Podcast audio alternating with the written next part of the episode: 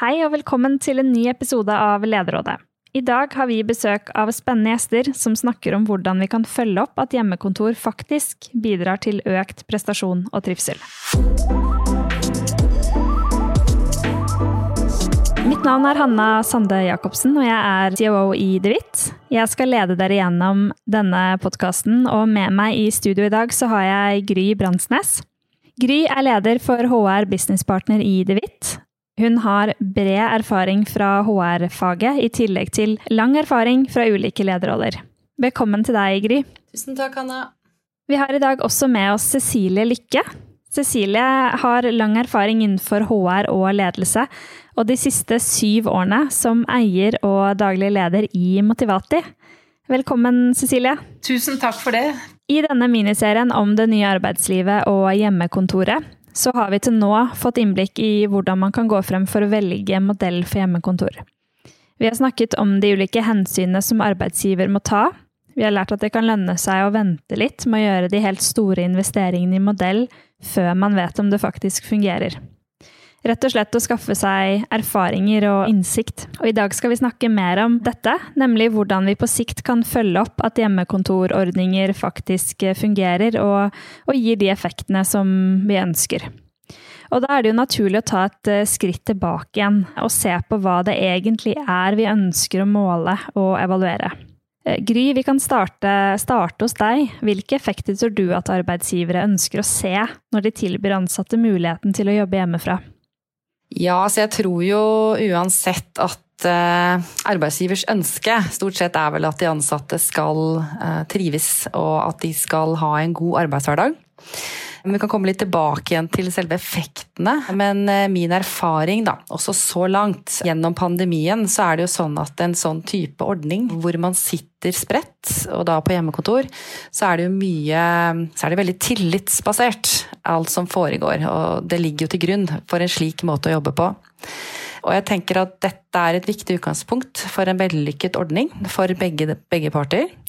Hvis man etablerer og jobber med tillitsforholdet. Det er klart at i de tilfeller der tillit ikke er til stede på en like god måte, så dette, kan dette bli ganske krevende. Tenker jeg for begge, begge parter. Så da er det nok viktig da, å snakke om forventninger. Det er viktig å avklare hvordan man best organiserer oppfølging. Um, og gjennom det så må man være sant, både tilgjengelige, man må bruke måter å kontakte hverandre på, gjerne ringe mer uh, også. Ikke bare på Teams. Ansatte må også være proaktive som en del av forventningen. Men så er det klart, noen trives jo med å være hjemme, fordi at det kan faktisk føre til redusert kanskje stress i hverdagen. Det kommer an på livssituasjon. Man kan jo også finne ut at man har økt medarbeidertilfredshet. Og gjerne økt produktivitet. Men så er det jo variasjoner, da. Der ansatte føler på mer isolering. Det er iallfall min erfaring òg. Mangel på å hente energi og inspirasjon fra andre kolleger. Og trenger eventuelt også da flere møteplasser eller arenaer hvor man kan få akkurat dette her, da. Så det er jo ulike behov for å hente ut de effektene vi ønsker. Så det er mange, mange aspekter man er nødt til å se på. Livsfaser og situasjoner man, man befinner seg i, da. Cecilie, hva tenker du om dette? Nei, det er En ting jeg har tenkt på, det er at etter hvert nå så vil gjerne hjemmekontor bli sett på som et gode. Og at det blir mer og mer likt en hygienefaktor, altså noe som vi tar som en selvfølge. Og det kan jo gi noen nye utfordringer å, å mestre i hverdagen for en leder. Absolutt, Cecilie. Hva tenker du at de utfordringene kan handle om? Jo, som ledere så har vi jo veldig lyst til å ha et handlingsrom til å kunne organisere, og hvordan denne hjemmekontorordningen praktiseres. Og da har vi ytterpunktene. ikke sant? Du har de lederne som vil ha en helt klar policy som alle skal følge. Men med en gang du begynner å bli for rigid på oppfølgingen, så er jo også sannsynligheten der for at du ikke greier å treffe så godt da, i forhold til hva hver enkelt trenger. Og da kan det hende at du mister noen gode medarbeidere, f.eks. Og så har du den andre ytterkanten med ledere som tenker at nei, dette vil jeg forvalte helt fritt i forhold til de jeg leder. Og da kan du oppleve at, at det blir en opplevelse av urettferdighet innad i gruppen, som igjen også kan føre til konflikter eller at folk blir misfornøyde. Så her er vel kunsten å finne den gode kombinasjonen. At man har noen, noe retningslinjer i bunnen, men samtidig har noe forvaltning og handlingsrom eh, for lederen som sitter med ansvaret og skoen på. Ja, Cecilie, her er du inne på, på, noe veldig viktig, og det er jo nemlig lederrollen i dette. Og, og da er jeg nysgjerrig, Gry, med din lange erfaring fra ulike lederroller, og det å på en måte komme inn og se dette fra et ledelsesperspektiv. Hvilke tanker gjør du deg om det Cecilie sier? Nei, jeg ser jo helt klart noe av det samme. Altså i forhold til at dette Altså jeg tror det er ingen tvil om at uh, dette her vil endre den rollen, lederrollen. Altså vi kommer jo ikke tilbake til det som, uh, som, var før. Selv om det er mange som tenker at vi er liksom Nå skal vi legge det bak oss, og nå skal vi tilbake igjen der vi var. Det tror jeg vi må erkjenne at det kommer nødvendigvis ikke til å skje. Fordi som Cecilie sier, så har mange nå begynt å oppleve dette som en ny hverdag. da og kanskje til og med som hun sier, som et gode, som en forventning. Og det er forventninger til fleksibilitet og tilpasninger, og det vil kreve litt mer av den enkelte leder. For å imøtekomme dette, så vil det jo være mye på det individuelle planet, ikke sant. Som jeg nevnte i sted, så er det ulike livsfaser, ulike behov, osv. Men jeg tenker at det er også viktig da, for å ikke bli for rigid, men jeg tror det er viktig at ledere får litt gode felles retningslinjer, slik at de har et godt verktøy å ta utgangspunkt i. At bedriften og at ledere, ledelsen, mener noe bestemt om hvordan vi skal ha det hos oss, og hvordan det skal være. Sånn at eh, lederne ikke står alene i alle avgjørelsene og situasjonene og responsen fra de ansatte. At man har noe å bruke i, det, i den sammenheng. Da tenker jeg også Det er viktig at man har gode digitale digitale verktøy. At de kan være med å løse noen av disse lederoppgavene og den kommunikasjonen og oppfølgingen man, man skal ha for å, for å følge opp de ansatte på en, på en, god og produktiv måte. Da. Og I tillegg så er det viktig å ha, i tillegg til individuelle ansatte, ja, ha en god dialog med representanter da, i, i, en bedrift. Representantene for de ansatte, som sikkert er også veldig opptatt av dette temaet. Det er jo I dag så er det jo statistikker som tyder på da, at det er stor bevegelse i arbeidsmarkedet akkurat nå. Og veldig mange som vurderer jobbskifte etter pandemien. Absolutt, og dette med gode digitale verktøy, det skal vi jo komme tilbake til. Men jeg ble jo litt nysgjerrig på det siste du sa, Erna, og det at vi ser en, en bevegelse i arbeidsmarkedet, og at mange er klare for å bytte jobb. Hva tror du det skyldes, da? Ja, nei, det vi Eller det jeg har sett, da, er jo at uh, man kanskje vil uh, søke opplevelse av kanskje samhold, da kultur, aspektet altså tilhørighet. Hvis man ikke får det der man er. I tillegg så tror jeg nok at eh, hvis man ikke opplever at man får den fleksibiliteten eller den oppfølgingen man ønsker, for det kan man jo da fort se om man får et annet sted, eh, på en bedre måte som passer en selv, så er det klart at da vil man kanskje se seg om etter noe annet, da. Dette er et viktig signal da, for arbeidsgivere kanskje å, å ta til etterretning, og ikke vente med å, å, ta stilling til hvordan de ønsker å, å styre dette her. Ja, det tror jeg du har helt rett i, Gry. Det er nok mange som har erfart at, eh, at det er mange av kollegaene som ikke trives noe særlig godt når de ikke får møte hverandre. Og det er rett og slett ikke blitt tatt nok på alvor alle steder. Og det krever jo at vi tenker nytt i forhold til både møtesteder og kulturbygging, og hvordan både se og følge opp. Så det er jo en utfordrende situasjon sånn sett. Er det slik at, eh, at, de arbeidsgiverne som har tenkt nytt i pandemien, altså rundt det å jobbe med miljø og kultur, dialog, det å skape samhold, kommer de arbeidsgiverne bedre ut nå? Cecilie, hvilke erfaringer har dere gjort dere rundt det her gjennom pandemien? Jeg tror at eh, de som har tatt digitalisering på alvor, eller kanskje allerede hadde begynt å gjøre det før pandemien, har stilt sterkere. Så fra det jeg har mest erfaring med, så har vi jo sett at det er en god del bedrifter som har eh, både i full fart eller rett før kommet i gang med, med digitalisering av medarbeideroppfølgingen. Og de kundene vi har, har vi sett at har hatt en, en høyt fokus på å opprettholde struktur rundt samtaler og holde løpende dialog. Og det vi også har observert, er kanskje at de som jobber papirbasert, har hatt lettere for å utsette dette. Og, og nå kanskje begynner å kjenne virkelig på at nå må vi ta fatt i dette viktige området som går på å sørge for at alle har det bra.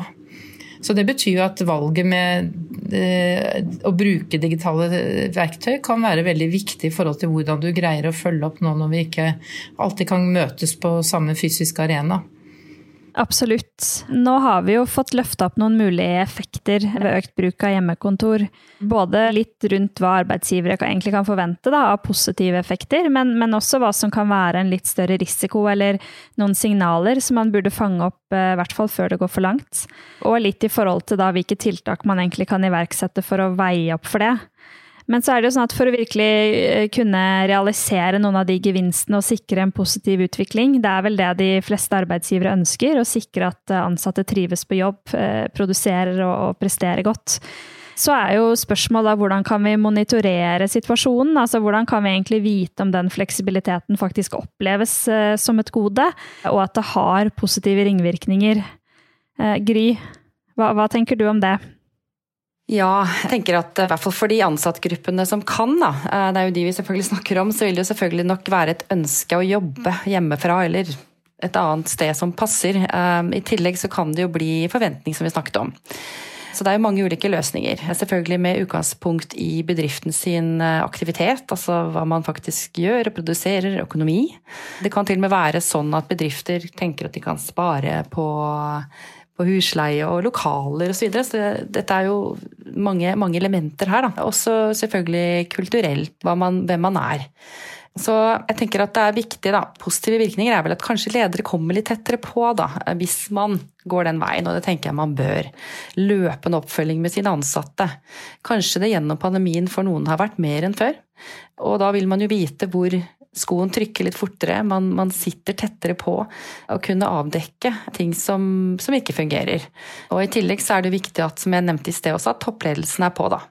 Og at man ikke tror jeg, da, for at man skal ha en, noen gode løsninger og ordninger og forventninger gjennom organisasjonen. At man, man ikke delegerer ned dette ansvaret, da. For da kan det igjen bli store forskjeller internt. Og kanskje til og med i samme avdeling. Og det er kanskje uheldig.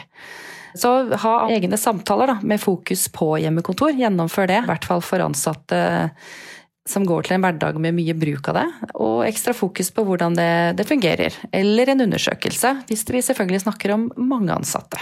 Det, det tenker jeg også er, er fornuftig.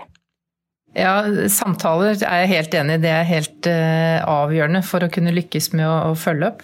Og det man kan uh, søke støtte i for å ha de samtalene, er jo å bruke spørreundersøkelser, som du sa, hvor man kan få loddet stemningen. Og det kan være undersøkelser som går mer i retning av å kartlegge i litt større perspektiv. F.eks hjemmekontorundersøkelse eller, eller, en motivasjonsanalyse som går mer i dybden i forhold til enkeltindividene. Men eh, kombinerer de det, så får man i hvert fall et sterkt verktøy til å, til å få innsikt nok til å vite hva som blir riktig å, å følge opp med. Fortell oss gjerne enda litt mer om det, Cecilie. Både om hjemmekontorundersøkelsene og disse motivasjonsanalysene. Ja, det gjør jeg gjerne. Og når det gjelder hjemmekontorundersøkelsene, så er jo de litt mer spisset mot et tema.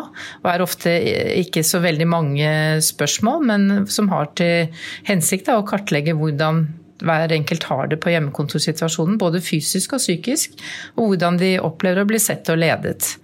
Vi anbefaler at dette blir gjort eh, åpent og ikke som, som anonyme undersøkelser, for da får du også mulighet til å følge opp hver enkelt. Den motivasjonsanalysen det er eh, en analyse vi har utviklet, så vi er selvfølgelig veldig glad i den. Men den gir en dypere individuell kartlegging av hvordan du opplever arbeidssituasjonen. Hva er viktig for deg, hva er ikke så viktig, og hvordan syns du at det blir ivaretatt.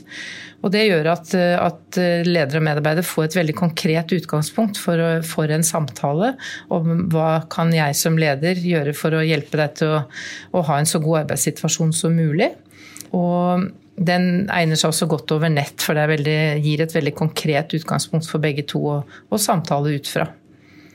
Ja, altså Cecilie, her nevner du jo at dere har utviklet denne analysen selv, så den har dere jo selvfølgelig kjempegod god erfaring med. Og jeg vet jo også at dere har erfaring med å gjennomføre hjemmekontorundersøkelser gjennom pandemien. Hva vil du si at arbeidsgivere får igjen for å investere i den type målinger?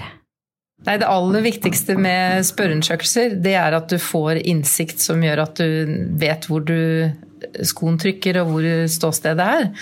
Og at når du bruker spørreundersøkelse, så kan du også hente ut individuell og samlet informasjon. Så det betyr at du kan bruke resultatet av undersøkelsene til individuelt, individuelt tilpassede underlag for én-til-én-samtaler. Og så kan du se på det samlede resultatet etterpå og vurdere er det noe jeg trenger å samle gruppen min for å diskutere. Det kan være samarbeidsproblemer eller tilbakemeldingskultur eller andre ting som er fint å diskutere på, på fellesen. Så det er egentlig en veldig effektiv måte å, få ut organisasjonsforståelse på, på alle nivåer i organisasjonen. Ja, det er jo ingen tvil om at den type innsikt eh, virkelig kan være verdifull, spesielt hvis man klarer, som du sier, å omsette det til konkrete tiltak eller handlingsplaner, i hvert fall der man ser at noe må eller burde forbedres, da. Vil du, Gry, si litt om altså, hvordan gjør man egentlig det? Hvordan kan man klare å omsette den eh, innsikten til noe praktisk man gjør som faktisk skaper en endring? Ja, altså man kan starte egentlig ganske enkelt. Det er bare å altså, komme i gang. Som Cecilie nevnte i sted, så er ikke disse undersøkelsene så omfattende eller lange eller mange spørsmål. Så la, la, oss gjøre det på et fast punkt. da. Ha et fast punkt på avdelingsmøter der man deler resultatet og setter i gang en diskusjon. Og tar med seg noen punkter videre til neste gang. Ting man skal jobbe med. Og det er fint, som Cecilie sier, og det har jeg erfaring med egentlig, å gjøre dette med alle teamet. Ikke bare én til én, eller at det er en Altså at man ikke har en skjult, eh, skjulte svar her, for da, da, vil man kunne fortere få viktige temaer frem. Og det er jo ikke noe som trenger å være hemmelig. Å eh, sette av tid kanskje en gang i hver måned til annenhver måned til, til akkurat dette temaet. Og da er det å bare legge opp en plan for de møtene. Så har man dette som et tema gjennom prosessen man er i nå, i forhold til å omstille seg og forhold til å etablere ordninger som passer. Og da monitorerer man på en ganske enkel, effektiv og god måte. Ja, og, og, da snakker du om at man har løpende målinger. Så la oss si at man introduserer en ny hjemmekontorordning. Man ønsker å evaluere underveis hvordan den funker. Da har man kanskje ikke en måling på start og slutt, men, men du har kanskje løpende målinger, og at man løpende også deler resultatene med teamet sitt. Jeg tenker det er lurt. Da eh, man, vet man at man har eh, faste punkter, og man man vet jo når man eh, Jeg vet ikke om man får frem det samme nødvendigvis gjennom kun å spørre åssen går det. Så det er lurt å strukturere det litt, men eh, det er i begrenset form, og den er lett å håndtere. Og det er lett å svare. Og det er en viktig måte å vise at man eh, jobber med å få til en god ordning. Det er jo ikke sikkert at dette kalles hjemmekontor lenger om et halvt år, et år. Ikke vet jeg, for man får etablert en måte å være sammen og jobbe på som eh, gjennom dette arbeidet, da, tenker jeg. Bra. Cecilie, til slutt hadde det vært eh, interessant å høre litt om, om erfaringer fra pandemien knyttet til akkurat det her. Har du noen eksempler du kan gi? Altså, om dere har noen virksomheter dere har jobbet med som har gjennomført slike målinger, som har iverksatt noen tiltak, og litt hvordan effekten av det har vært? Ja, jeg tror eh, de fleste vel har kommet til at eh, den viktigste erfaringen er at vi er veldig ulike og har veldig ulike behov. Og at det da, da hjelper det ikke å jobbe bare med generelle utgangspunkt. Du må ned til individet og, og lytte og prøve å tilrettelegge. Men jeg tror jo dette med, med samhandling går igjen i det å prøve å passe på å lage et, eh, et kollegialt miljø selv om vi ikke sitter sammen. Slik at du får muligheten til kollegial støtte. og Nå har jeg ikke sånn veldig konkret eh, hva kundene våre gjør, for de kjører jo disse undersøkelsene selv. Vi, men vi hører jo at det er eh, mange som er blitt kreative på samhandling og funnet gode verktøy. Og selv har vi også gjort det i vår lille organisasjon. Vi fikk tre nye i, midt i pandemien som, eh, som skulle inn i, i folden, og, og har da etablert kollegatreff og jobbing på kryss og tvers, og alle har bidratt til å finne gode verktøy for, for, samhandling. Så jeg føler at eh, det er veldig mange som har vokst mye på samhandling i denne perioden. Og så vet jeg at det er en del virksomheter som, som har sovet litt i timen, og, det, og det er kanskje de som nå opplever også mest flukt av ansatte. For det, det, krever jo en kontinuerlig monitorering og oppfølging, det å holde alle Eller at alle får fortsette å ha lyst til å være, bli værende i virksomheten. Jeg vil også slå et slag for at, at man har fokus på ikke-anonyme undersøkelser. Jeg nevnte det i sted. Men det gjør at hvis det er noen som sliter i den situasjonen de er, så har du en mulighet til å, å følge dem opp og gi dem, eller i hvert fall komme i dialog om hva skal til nå for at du kommer i en bedre posisjon. Det gjelder jo for så vidt i en normal situasjon også, men, men kanskje spesielt når vi ikke kan observere hverandre ved kaffemaskinen til daglig.